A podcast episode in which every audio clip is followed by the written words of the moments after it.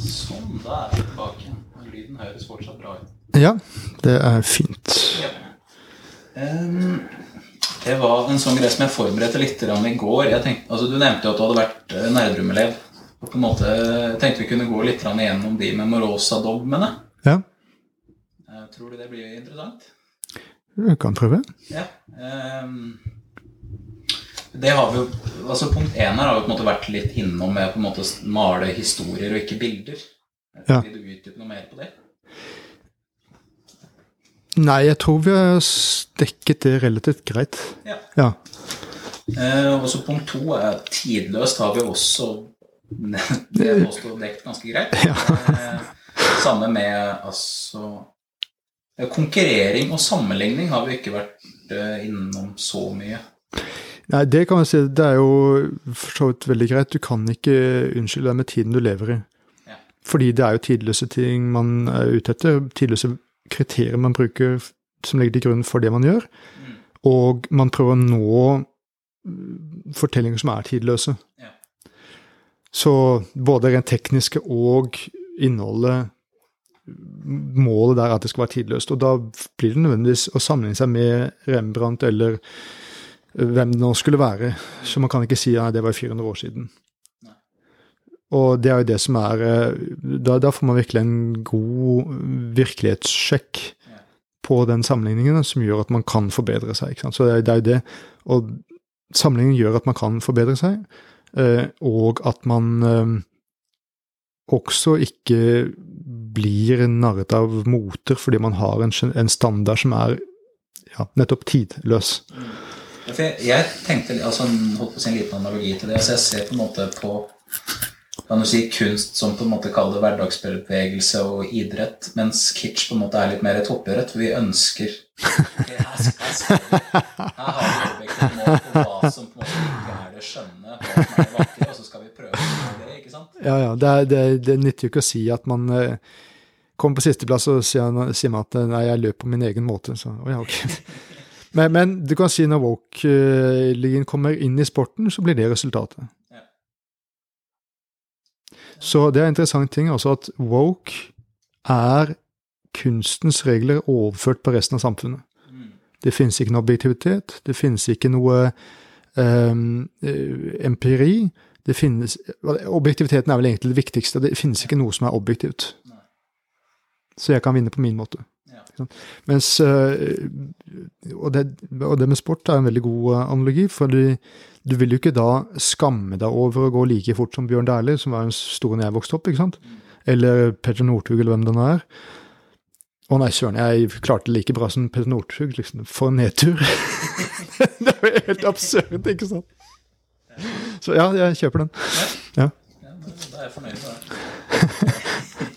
Og så De har forstått vært innom med altså holdt på å si Gullstandarden er det gamle greske? Ja, fordi der har du den uh, ultimate foreningen av det realistiske, men at det ikke er naturalistisk. Ja. Men også det Og det kan vi se for, nå, Jeg vet ikke når dette publiseres, men eh, 17. mars 2022 åpner jo eh, utstillingen med Odd Nerdrum på Fine Art i, eh, på Tjuvholmen. Uh, you See We Are Blind, er det ikke det den heter? I hvert fall, det er vel rundt 40 bilder der. Og det du ser på Nerdrum, er at han i en god stund nå har nådd en mye mer gresk måte å tenke på, hvor det er en flyt gjennom hele figuren, selv om det er draperi og sånne ting, så er det ikke veldig mye sånn oppkutting i, i småstykker. Og det, det er sånn deilig luksus da, at man kan gå tilbake og se på bilder av- ham fra 80-90-tallet, som er solid laget, men som ikke har den helheten og flyten som han har nå, ikke sant? men som du må igjennom for å komme dit. Og det, det er jo så, det er sånn skikkelig cocky, som det heter, å, å snakke på den måten der, for det er helt ekstremt bra, de tingene han har laget da, men dette han lager nå er enda bedre. Og det er den, den flyten gjennom figuren, energien gjennom hele figuren, som, som sagt, altså, litt overdrevet, du kan se mye barokkmaleri hvor det er veldig mye draperier og veldig mye sånn kakestykker. Det nevnte jeg kanskje. To kakestykker har jeg sagt nå. Um, og da mister du den organiske helheten. Bare som ett eksempel. Men også det med å skape inntrykk av bevegelse. I maleri. At figuren ikke er, er, har én klar konturlinje, men at den linjen blør, som Nerdrum sier, da, eller at den, den punkteres eh, slik at figuren smelter litt sammen med omgivelsene. Og dermed kan det se ut som om den kan bevege seg. Og Det ser du i de greske figurene også. Litt sånn ute av balanse, som man fullfører Man vet at det er andre ben det må komme foran for å ta imot, hvis ikke så faller figuren. Så um, da har det ikke bare det at det ligner, ikke bare det at det skal ha et uh, uttrykk en historie, men også at det tilsynelatende beveger seg. Ja. Det, det begynner å bli ganske avansert. Ja, ja, det, Ja. De, de få bildene jeg har sett altså, i boka der, det er på en måte Det jeg har inntrykk av at det på en måte viser, er eh, Altså, på iPhone så var det en sånn funksjon at du på en måte kunne holde inne, så kunne du se på en måte bevegelsen som skjedde Mhm. da bildet ble tatt. Jeg tenker på en måte at et godt malt bilde blir på en måte gjennomsnittet av den situasjonen. Hvis det gir noe mening? Jeg skjønner ikke helt hva du mener. Du kan bare forklare Nei, det Det er på en måte bare det at du faktisk føler den bevegelsen. Ja. At du på en måte tar ut de essensielle delene av bevegelsen. Ah, I den scenen liksom, som skildres? Ja, ja, ja, ja, ok. Jeg trodde du mente den samtiden eller, eller den kulturhistoriske konteksten. eller noe sånt. Eh, Nei, jeg, Nei, jeg, jeg, ser vel Nei, nei, nei. nei. nei ok, ja, men det, ja, det, er- det er jo det. Det er det, er det med peripetien, da, høydepunktet i, i handlingen. Eh, fordi, som sagt, en screenwriter har 250 sider, en maler har én side. Og da må du komprimere. Ja, det må du. Ja. Vi skal vi gå videre? Eh, Så er det det med å opphøye modellen. Ja. Og det det henger jo på en måte også litt sammen med punkt sju. Altså alle temaer skal behandles med kjærlighet og ærlighet. Ja, det er, og da har du det at um, Det hverdagslige er ja, hverdagslig. Slik at de evighetsøyeblikkene, det er jo nettopp der som, som jeg sier, når du plutselig ser et menneske på en helt annen måte enn du pleier. Og det, hvor det mennesket er mye vakrere enn du, du pleier å se det som. ikke sant? Mm. Hvor ting er mye mer intenst. da. Ja. Slik at evighetsøyeblikk er jo per definisjon ikke hverdag. Nei. Så skal du nå en klassisk historie Klassisk betyr bare evig gyldig. Ja. Det er ikke noe, det er, ja, det er gammelt. Så det er jo mer gammelt, jo mer klassisk. Det er ikke det. Eh, for du kan se bilder fra 1600-tallet som er forbausende såkalt moderne, som bare ses som en eller annen eh, slu uh, maler som, uh, med sånn sleskt smil, liksom. Så, så det er ikke det det handler om, hvor gammelt det er. Men det er å nå essensen av tingene, og da det impliserer altså opphøyelse. Og det betyr ikke bare å gjøre det pent og, og sukkersøtt. Grekerne hadde et begrep eh, sotikon, som betyr eh, ja, intensiteten i figuren. Ikke at det er skulpturert på en glatt måte for at det skal bli pent. Så opphøyelse er For eksempel Rembrandts gjennom selvportrettet. Det er ikke en sånn, sånn pen mann sånn sett, men det, er den, men det er en veldig vakker sjel, ikke sant? og det er en opphøyelse av, av det, du, det, det han maler, da. Hvis det er eh, forklarende nok. Jeg tror det. Mm. Jeg, jeg tror i hvert fall når jeg får grunna på det litt, så tror jeg jeg kommer til å skjønne dette her bedre. Mm. Eh, og så eh, Punkt åtte, at du skal alltid høre på klassisk musikk mens du maler. Er det noen spesiell grunn til det? Det er jo noe jeg har tenkt på når jeg hører på Allan Petterson, svensk komponist. Og det man kan si det også om, om klassisk litteratur. ikke sant? Det, tenk å klare å male noe som gir meg den følelsen der. Ja.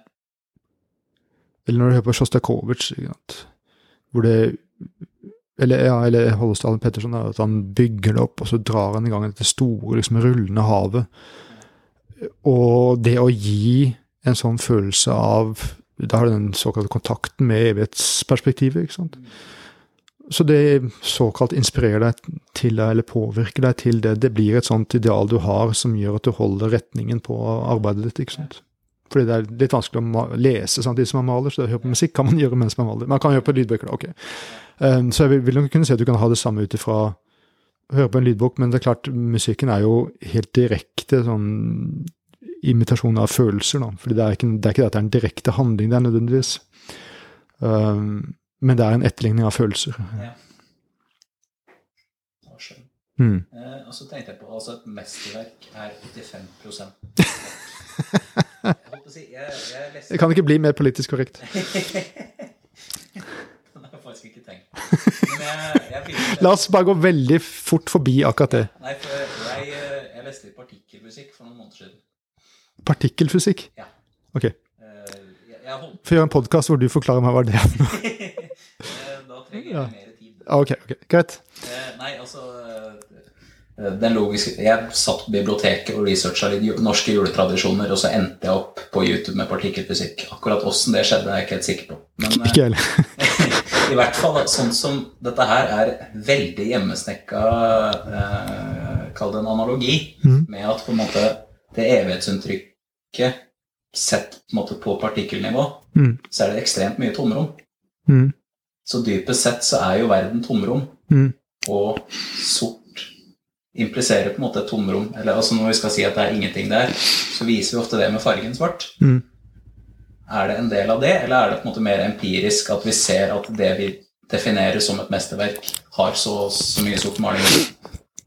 Det, jeg kan eh, det, det kommer jo frem i, i eh, Jakten på Nerdrum. Uh, så jeg får ta æren for den, uh, det dogmet der. Uh, dette med at eh, For jeg var i, i Roma med noen elever og så på Caravaggio, og så Det var vel der jeg nevnte det. At eh, der ser dere at et mesterverk må bestå av minst- minst 85% sort. Så men, men, Og det er en, sagt spøkefullt, men det er riktig også. Fordi Hvordan skal man si det? Når jeg holder malekurs, så ser jeg ofte at folk ligger altfor lyst i, i, i fargene. Mm. Og da er det akkurat som det er en merkelig sak at akkurat som mørkere farger gir mer vekt til figuren. Ja. Og bare for også på å si, kontrastmessig at figuren kommer bedre fram. Det er en del av det. Ja. I det, I, hos Caravaggio så er det veldig det. Sant? At du får dette sorte, og det er derfor bruken av sort ble, ble si, ideologisk forbudt da, med modernismen.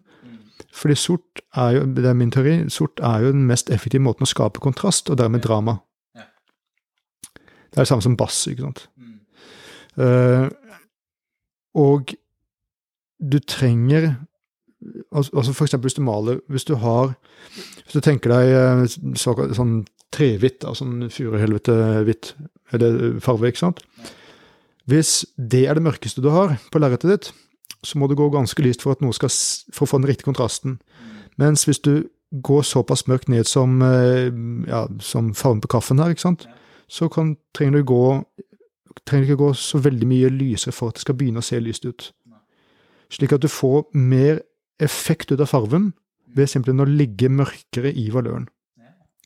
Istedenfor at du snakker, synger i falsett. Så har du et potensielt mye større register. Og når du går litt høyere, så blir det lyst, og går du enda litt til, så plutselig så pang, så slår det til. Slik at du, dramatisk sett så er det mye mer effektivt. Så det er også det som eh, Jeg har jo hatt to sånne dark flames om uh, med Rosedogmene. Det var Sebastian Salve som nevnte i den ene at, eh, at du har også det at eh, alle samtaler Sånne virkelig gode samtaler, kanskje Nå er det jo dag her, da, men det er sånn typisk om kvelden. Ikke sant? Det er et sånn magiske eh, øyeblikk, det å sitte rundt bålet eller, eller sitte med lys, stearinlys og de tingene. Det skjer alltid om kvelden, det er aldri midt på dagen. For da kommer det inn en sånn eh, lugn ro som er veldig behagelig for en samtale.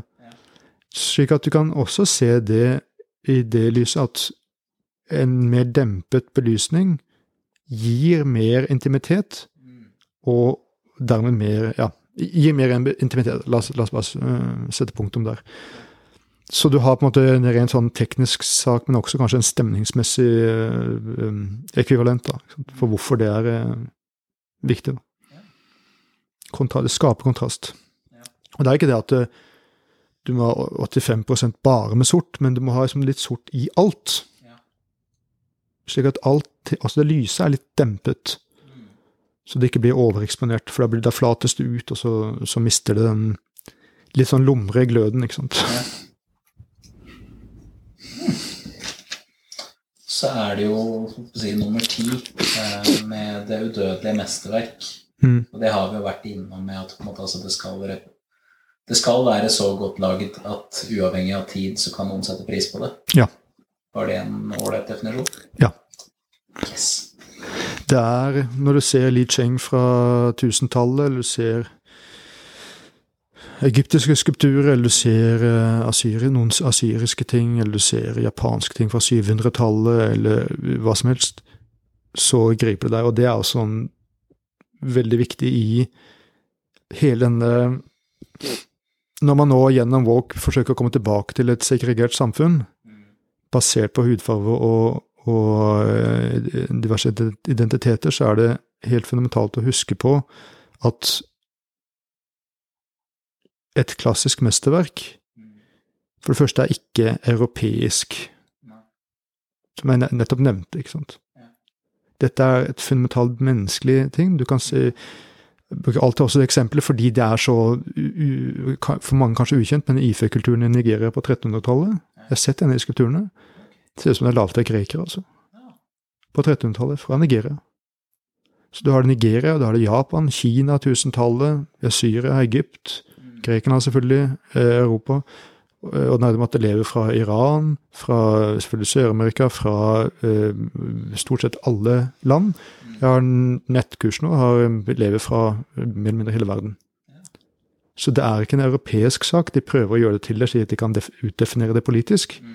Men det betyr bare at de ikke kan historien sin. Fordi, ja, som sagt, det er det at det kan treffe alle fra enhver kultur til enhver tid. Punchline. Ja. Ah, gud. Nei, nei, la, la oss ikke gjøre det. Eh, så er det bare en, eh, en å si, Det er jo seks kall det synder også. Mm. Eh, vi har egentlig dekt mesteparten av de. Det eneste jeg tenkte på, er den aldri bruk fargen blå. Ja. Eh, jeg holdt på å si, jeg tror jeg har skjønt grunnen til det, altså på bakgrunn av den eh, The Hunt og Nerdrum-serien. At på en måte blått ofte har vært en sånn Altså var en farge som var dyr i innkjøp, så har på en måte vært Kall det magens måte å brife på med å se jeg har penger til å bruke så mye blått. Ja, eller de, de som bestilte det, eller ja. Ja, og så er det det at Det er jo som Caravaggio kalte det vel giften blant farver. Og eh, Leonardo snakker om det Jeg mener en kappe han snakker om, men altså, poenget er at når du maler en figur med en kappe, da, så må den kappen se ut som en blå kappe, ikke som en blå en flate med en blå maling. Så problemet kan være at man blir så glad i den blåfargen at, at det blir mer en blå flate som ser ut som en kappe, enn at det er en kappe som er blå. Så det første må jo være at det er, at det er eh, realistisk skildret, Mm. ikke farven i seg selv. For hvis farven blir poenget, Mm. så blir det sånne farveflater rundt omkring, og da begynner det å bli moderne kunst på en måte. Ja. Da blir det farver på et lerret istedenfor at det er en, et realistisk samspill i et rom, da. Mm. Så, og, og dessuten så får du med eh, den såkalte Apelles-paletten. Apelles som skal ha malt Alexander den store, brukte hvitt, eh, oker, rødt og sort. Det kalles også Zorn-paletten. Velasquez eh, brukte den vel, Rembrandt. Det, så det er offentlig hemmelighet. Det er ikke noe det, det, altså, ja, det er, det, er den, um, det som Kristine Onsrud, som jeg også har intervjuet, eh, kaller for den ubegrensede palett. Fordi det er så mye i den i de få fargene. Og, eh, og med de så får du hvitt og en, en kjølig sort, da, ikke en varm, ikke en brunsort, men en blå sort, kan, kan du si. Ikke lagt inn blå pigmenter, men en, en, blå, en farve som er mer kjølig, da. De, så sort og hvitt sammen blir blått. Ikke sånn knallblå, men setter du det opp mot noe mer gyllent, så begynner de å spille opp mot hverandre. Slik at det begynner å vibrere mer enn at de krasjer med hverandre. At her er det blått, og her er det mm, oransje. Så er det mer sånn her er det noe gråblålig, her er det noe grå-oransje-ferskenaktig. Og da begynner det å vibrere, for den der blandingen mellom det kalde og det varme er helt nødvendig for å skape inntrykk av um, substans, av luft, av, av lys.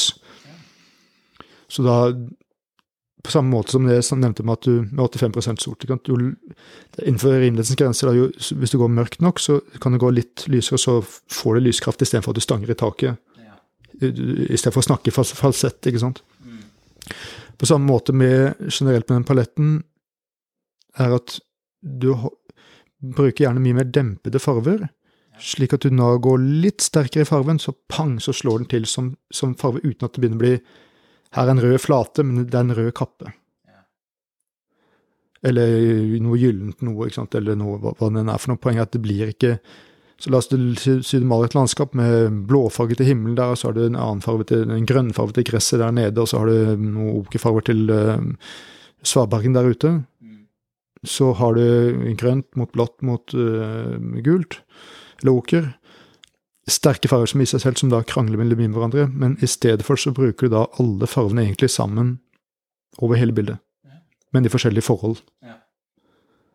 Og da får du en harmoni som, som sagt, at tingene henger sammen. Og øker du bare litt på da, så kan det virkelig slå til, altså. Så det er en logisk grunn bak alt. Det er en logisk grunn bak det. ja. tenkte, det var bare en ting jeg kom inn på med Magnus Vanbo. Um, jeg holdt på å si altså eh, Vi snakka litt om holdt på å si, hier- hierarki. Mm. Jeg holdt på å si, altså, Er det noe sånn innafor kitsch altså holdt på å si at skulptur står over maleri på noe vis, eller at maleri er over skulptur på noe vis? Det er jo diskusjoner om det i renessansen. Det er sånne som Vasari nevner, at uh, argumentene for at skulptur er over, er at uh, Gud skapte jo eh, Adam ut av leire. Men så er argumentet for maleri at uh, da kan du vise flere forskjellige sider av en figur på samme tid. For du kan ha en person som står og ser på deg, så ser du refleksjonen i speilet. Det er sånne morsomme eh, intellektuelle øvelser. da. Men uh, jeg har ikke noen sånn spesiell formening om det, annet enn at uh, det som kan nå det mest fundamentale og evigmenneskelige, det er det som, som Altså, alt handler om historiefortelling, enten om det er Charles Dickens innenfor litteraturen, om det er Anne Petterson innenfor musikken, om det er eh, Edvard Munch innenfor maleriet, eller om det er eh, ja, Jeg håper si Det er litt sånn at et udødelig mesterverk er et udødelig mesterverk, Ja. uavhengig av form. Ja. Ja. ja. Portrett kan slå deg, men så, og en, en, en eh, komposisjon med figurer kan slå deg, men så plutselig så har du Hertevig, da, som kan slå deg enda mer. Mm. Men klart, menneskefiguren som vi kjenner oss igjen i. er jo det som fanger den største interessen, men allikevel så kan jo et landskap ha en større effekt på deg enn en komposisjon, hvis det landskapet er bedre laget og har mer av den evighetsperspektivet i seg enn en komposisjon. Ikke sant? Så det er jo, men det er kvaliteten på hvordan det er malt. Men hvis du har en maler som Nerdrum, da, som kommer inn med disse figurene igjen, så kommer dramatikken der som ikke landskapet kanskje har, selv om det er utrolig sterkt malt. Ikke sant? Så, ja. Det må man ta eventuelt på vurdere individuelt, men altså for meg så er hovedsaken i hvert fall at det, er, det har det, det arketypiske ved seg. Altså. Tror jeg egentlig ikke jeg har så fryktelig mye mer. Altså. Hvis ikke det er noe du veldig gjerne vil snakke om. Jeg syns dette har um, fungert veldig, veldig fint. Så bra. Ja. Takk for tida di, i hvert fall. Jo, i like måte.